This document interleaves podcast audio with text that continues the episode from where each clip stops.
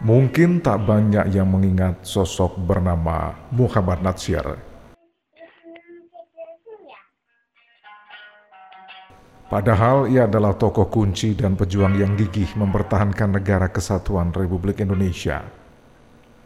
Berkali-kali ia juga meloloskan negara ini dari ancaman perpecahan.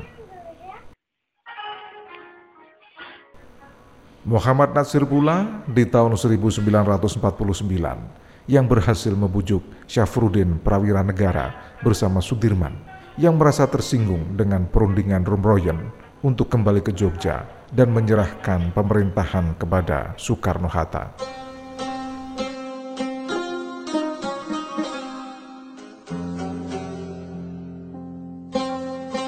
Ia juga yang kemudian berhasil melunakkan tokoh Aceh Darut Buruh yang menolak bergabung dengan Sumatera Utara di tahun 1950. Daud Buru saat itu terkesan pada kedalaman ilmu dan kesolehan Muhammad Natsir.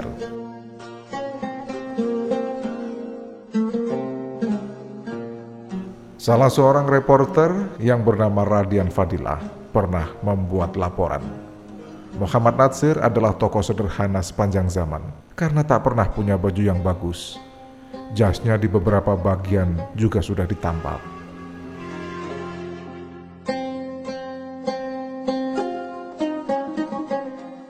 Ia dikenang sebagai menteri yang tak punya rumah dan menolak diberi hadiah mobil. Sementara itu pengajar di Universitas Cornell, Josh McTurnan Kahin, mendapat info dari Agus Salim bahwa ada staf dari Kementerian Penerangan yang hendak mengumpulkan uang untuk natsir supaya berpakaian layak. Karena saat itu kemejanya cuma dua setel dan sudah lusuh, namun tetap ditolak.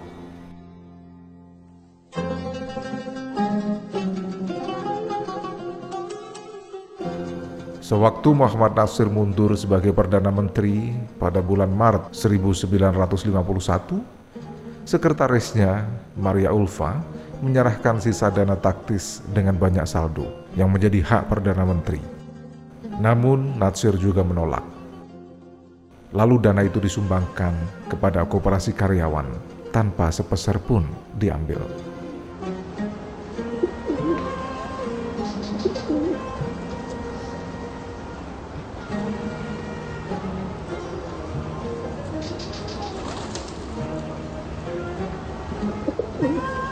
Muhammad Natsir lahir di Alahan Panjang Solok 17 Juli 1908. Kedua orang tuanya berasal dari Maninjau. Ayahnya, Idris Sultan Saripadu, adalah pegawai pemerintah dan pernah menjadi asisten Demang di Bonjol. Natsir adalah anak ketiga dari empat bersaudara.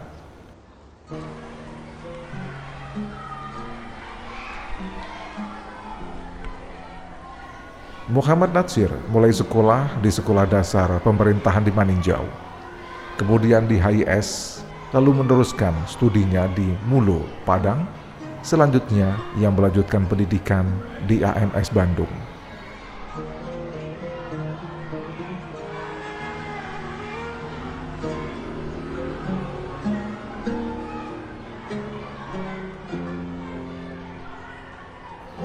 Ia sebenarnya mendapat beasiswa di Mulo dan AMS untuk belajar di Fakultas Hukum di Jakarta atau Fakultas Ekonomi di Rotterdam, namun semua ditolak karena ia lebih tertarik pada perjuangan agama Islam. Bismillahirrahmanirrahim. Alif Lam Ra. Tilka ayatul kitab wa Qur'anin mubin.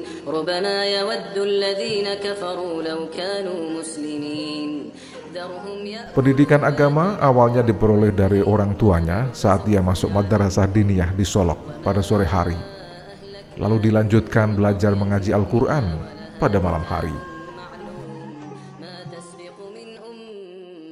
Pengetahuan agamanya bertambah dalam saat di Bandung karena ia berguru kepada Ustadz Abbas Hasan, tokoh Persatuan Islam.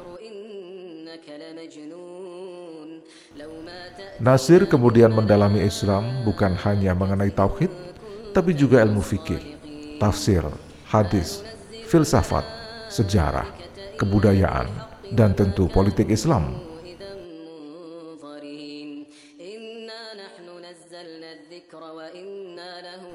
Ilmu itu banyak dipelajari dari Haji Agus Salim, Syekh Ahmad Surkati, Haji Umar Said Cokro Aminoto, dan AM Sangaji.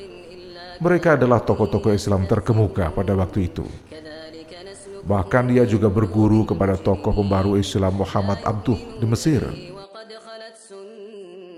Pengalaman itulah yang memperkokoh keyakinan Natsir untuk berjuang dalam menegakkan agama Islam.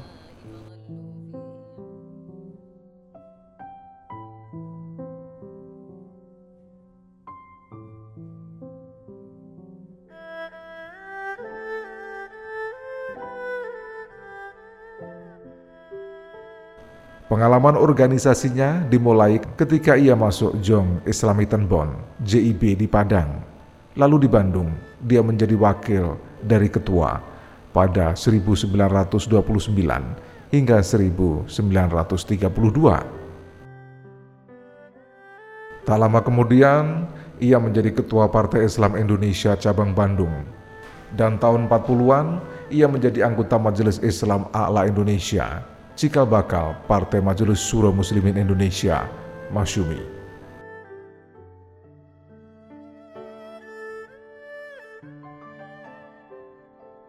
Berbeda dengan tokoh pergerakan di tanah air yang lain, sejak awal Muhammad Nasir lebih senang bergerak di bidang dakwah untuk membina kader.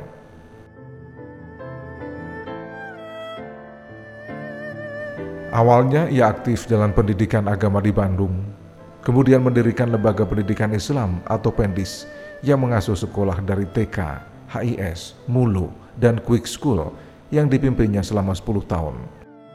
Tepatnya sejak 1932 hingga 1942.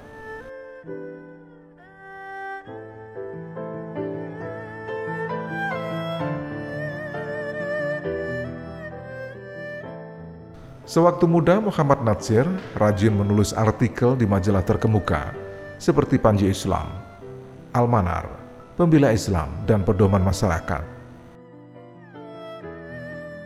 Dalam tulisannya ia selalu membela dan mempertahankan Islam dari serangan kaum nasionalis.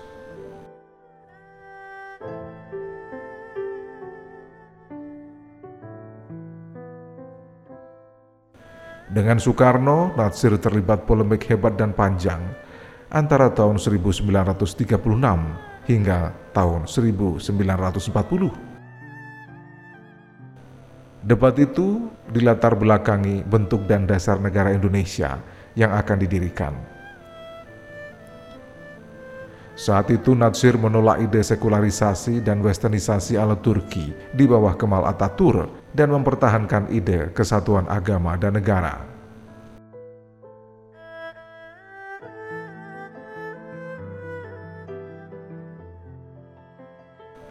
Kegiatan politik Natsir kian menonjol setelah dibuka kesempatan mendirikan partai politik pada bulan November 1945.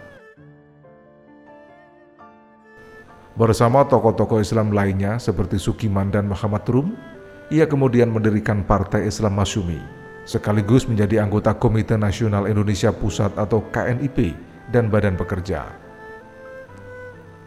Dalam Kabinet Sahrir 1 dan 2 dan Kabinet Hatta, ia ditunjuk sebagai Menteri Penerangan. Kalau kita lihat kertas yang telah berlungguk di meja kita sebagai hasil daripada pembicaraan pada konferensi meja bundar ini, maka kita boleh mengatakan bahwa tidak sedikit kerjaan yang telah kita kerjakan pada konferensi ini.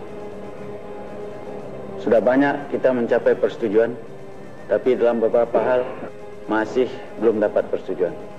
Tapi kalau kita bandingkan jumlah yang telah dicapai persetujuan dan jumlah yang belum kita capai persetujuannya, boleh kita katakan lebih banyak persetujuan daripada yang belum disetujui.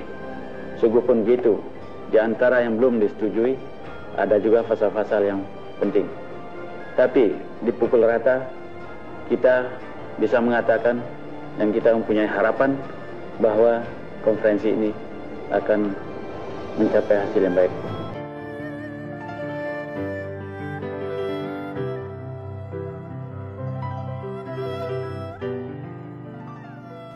Saat negara Republik Indonesia Serikat terbentuk sebagai hasil perjanjian konferensi meja bundar pada akhir Desember 1949, Natsir memelopori kembali ke negara kesatuan Republik Indonesia dengan mengajukan mosi integral kepada Parlemen RIS pada 3 April 1950. Bersama dengan Muhammad Hatta yang juga menjabat sebagai Perdana Menteri Republik Indonesia Serikat, Ide itu tercapai dengan dibentuknya Negara Kesatuan Republik Indonesia pada 17 Agustus 1950. Atas jasanya, Natsir lalu ditunjuk sebagai Perdana Menteri oleh Presiden Soekarno.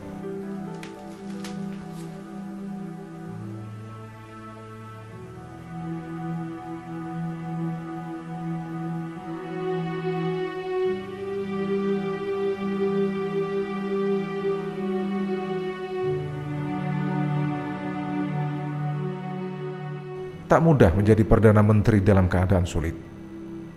Karena hampir semua daerah di Indonesia, rakyat sedang mengalami keresahan akibat perang, serta kondisi ekonomi yang menimbulkan rasa ketidakpuasan di mana-mana. Bahkan beberapa tokoh yang sebelumnya berjuang untuk Republik Indonesia justru berbalik dan memberontak. Mereka adalah Kartosuwiryo dan kemudian Kahar Muzakar Tak ketinggalan pengikut Republik Maluku Selatan dan Andi Aziz. MMC atau Merapi Merbabu Komplek yang beraliran komunis juga berontak di Jawa Tengah. Saudara-saudara, saya Abdul Kahar Musakkar di sini. Saudara-saudara, selaku pejabat khalifah dan panglima tertinggi Angkatan Perang Republik Persatuan Islam Indonesia, dalam waktu singkat, Natsir membawa Indonesia dari suasana revolusi ke suasana tertib sipil dan meletakkan dasar politik demokrasi dengan menghadapi bermacam kendala.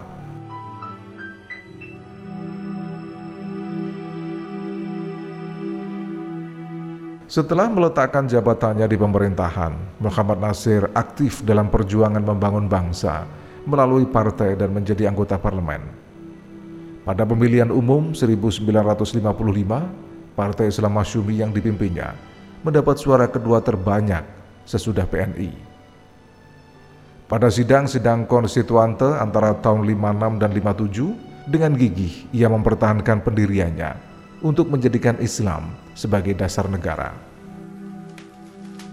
Sebelum sidang konstituante berhasil menetapkan anggaran dasar negara Presiden Soekarno memaklumkan kembali ke Undang-Undang Dasar 1945 dan membubarkan parlemen serta konstituante hasil pemilu melalui dekret 5 Juli 1959. Natsir lalu menjadi penantang ide dan politik Soekarno yang gigih. Saya mengucap syukur Alhamdulillah. Demikian juga beberapa anggota pemerintah dan parlemen telah berkali-kali mengatakan bahwa kemerdekaan nasional bukanlah tujuan yang terakhir bagi kita. Bagi kita Indonesia merdeka tak bukan dan tak lebih hanyalah syarat untuk mencapai kemakmuran dan kesejahteraan rakyat dalam arti jasmani maupun rohani. Kemakmuran rakyat dan kesejahteraan rakyat adalah tujuan kita bersama. Idealisme memang berguna. Ajukanlah idealisme Tuhan itu dalam hal mencapai kemakmuran dan kesejahteraan rakyat supaya idealisme Tuhan itu menjadi pendorong bagi pemerintah dalam bekerja dan berusaha. Muhammad Nasir menilai Presiden Soekarno banyak berubah menjadi pemimpin yang menggenggam kekuasaan di tangannya sendiri dan bekerja sama dengan partai yang mau menuruti kemauannya. Tak hanya Nasir, Muhammad Hatta juga terdesak. Bahkan Hatta kemudian meletakkan jabatannya sebagai wakil presiden.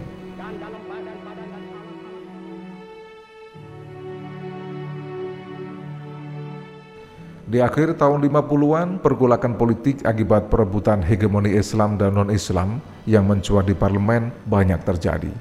Lalu diikuti kekisuran ekonomi dan politik yang tidak terkontrol di luar parlemen. Semua itu berujung pada munculnya kegiatan kedaerahan yang berpuncak pada pemberontakan daerah dan PRRI. Muhammad Natsir yang dimusuhi Soekarno bersama Safrudin Prawira Negara dan Burhanuddin Harahap melarikan diri dari Jakarta dan ikut terlibat dalam gerakan itu. Akibatnya Partai Masyumi dan PSI Sahrir dipaksa membubarkan diri oleh Presiden Soekarno. Saat PRRI berakhir dengan pemberian amnesti, Natsir dan tokoh lainnya kembali. Namun kemudian ia dikarantina di Batu, Malang selama setahun. Kemudian di rumah tahanan militer Jakarta. Sampai akhirnya dibebaskan oleh pemerintahan Presiden Soeharto di tahun 1966. Ia dibebaskan tanpa pengadilan dan satu tuduhan apa pun. Meski tidak lagi menyandang jabatan formal, Muhammad Nasir tetap mempunyai pengaruh dan sumbangsih bagi kepentingan bangsa. Misalnya membantu pemulihan hubungan Indonesia dan Malaysia. Melalui hubungan baiknya, Nasir menulis surat pribadi kepada Menteri Malaysia Tengku Abdul Rahman untuk mengakhiri konfrontasi Indonesia-Malaysia yang akhirnya terwujud.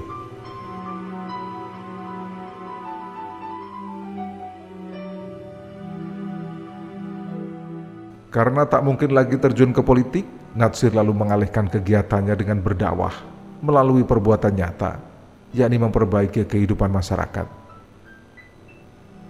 Tahun 1967 ia mendirikan Dewan Dakwah Islami Indonesia yang aktif dalam gerakan amal. Nasir dan lembaganya aktif berdakwah hingga ke daerah terasing, membantu pendirian rumah sakit Islam, pembangunan masjid, mendirikan perguruan tinggi, dan mengirim mahasiswa tugas belajar mendalami agama Islam ke Timur Tengah. Hal itu disampaikan Kiai Haji Suada Bakhri. Betapa perhatian Pak Nasir sebagai tokoh sangat luar biasa berkait dengan pembinaan umat, kemudian dengan pembinaan kader di masa yang akan datang, kepedulian sosial, dan banyak lagi kiprah-kiprah yang lain. Bahkan tanpa kita sadari, ada sembilan perguruan tinggi Islam yang ide pendiriannya adalah bermula dari Pak Nasir. Ketika Pak Nasir sudah mulai semakin tua, sementara garapan dakwah semakin luas, maka kemudian Pak Nasir membentuk Dewan Dakwah dan salah satu program adalah pengiriman dai-dai ke daerah-daerah suku terasing, ke pedalaman, ke daerah transmigrasi. Beliau selalu mengatakan yang ditransmigrasikan itu adalah mereka yang miskin harta, miskin ilmu, miskin iman. Sehingga dikirimlah dai-dai. Menurut politisi senior Aisyah Hamidi, kegiatan dakwah Muhammad Nasir tak hanya melintas antar pulau dan negara, tapi juga melibas batasan usia. Banyak peranan beliau untuk kepentingan bangsa dan negara, dan tidak lupa bagaimana pemberdayaan generasi muda.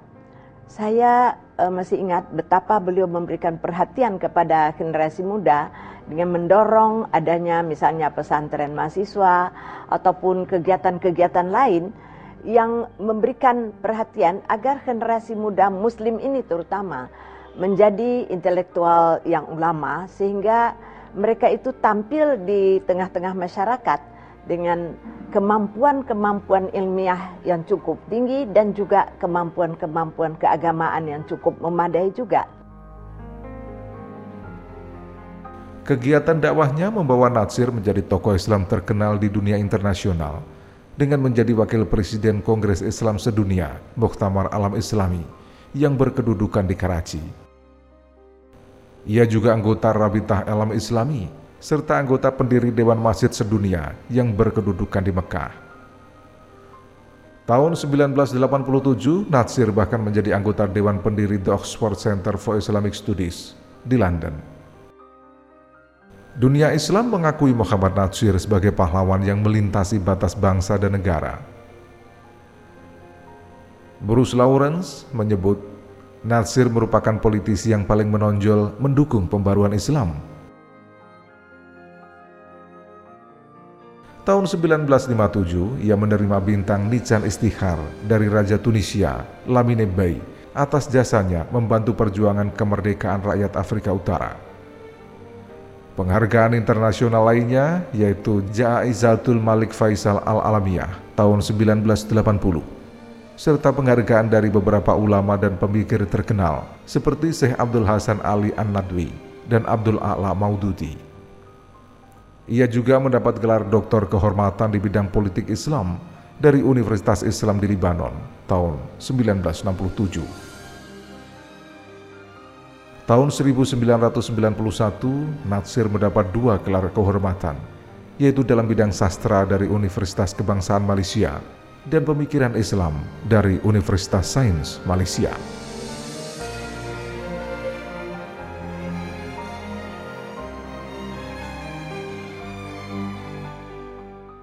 Minggu 7 Februari 1993, Muhammad Natsir wafat di usia 85 tahun. Jenazahnya dimakamkan di TPU Karet Tanah Abang. Dan ucapan bela sungkawa datang tak hanya dari teman, sahabat, sanak saudara, serta pengagumnya yang ikut mengantar jenazahnya ke pembaringan terakhir. Ucapan duka juga datang dari mancanegara, termasuk beberapa pejabat dan pemimpin negara-negara Islam yang mengirim surat duka dan bela sungkawa kepada keluarga almarhum dan bangsa Indonesia.